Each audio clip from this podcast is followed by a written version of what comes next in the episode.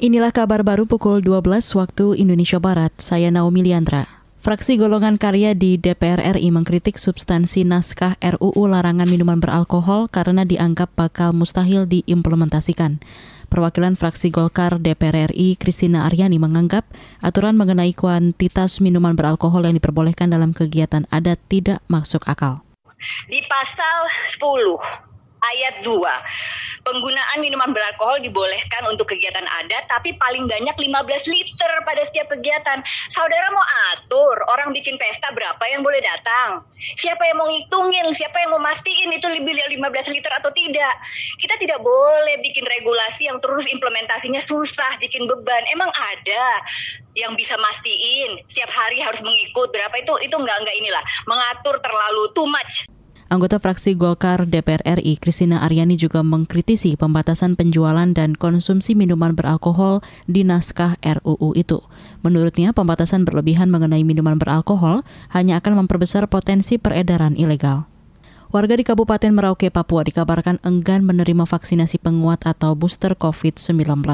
Menurut Kepala Dinas Kesehatan Kabupaten Merauke, Neville Muskita, usai perayaan Idul Fitri, hanya sebagian kecil warga yang mau divaksin dosis ketiga.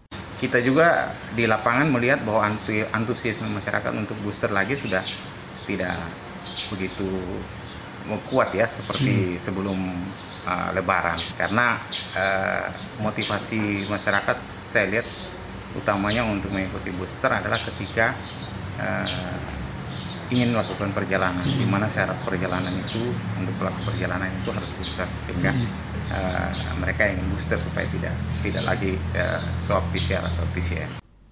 Kepala Dinas Kesehatan Merauke Neville Muskita menambahkan kebijakan pemerintah melonggarkan aturan pelaku perjalanan dalam negeri dan melandainya COVID-19 di Indonesia juga berdampak pada antusiasme warga menerima booster.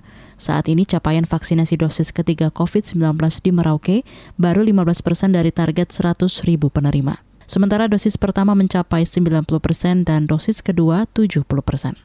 Menteri Kesehatan Singapura Ong Ye Kung memprediksi negaranya akan menghadapi gelombang varian baru COVID-19 Omicron pada Juli mendatang. Dikutip dari Channel News Asia, perkiraan Ong itu berdasarkan fakta begitu wabah mereda, gelombang lain akan meningkat 4 hingga 6 bulan kemudian. Ong juga mendeteksi beberapa kasus subvarian baru dari varian Omicron BA4 dan BA5. Namun jumlah kasus subvarian itu masih belum mendominasi di Singapura dibanding subvarian BA2.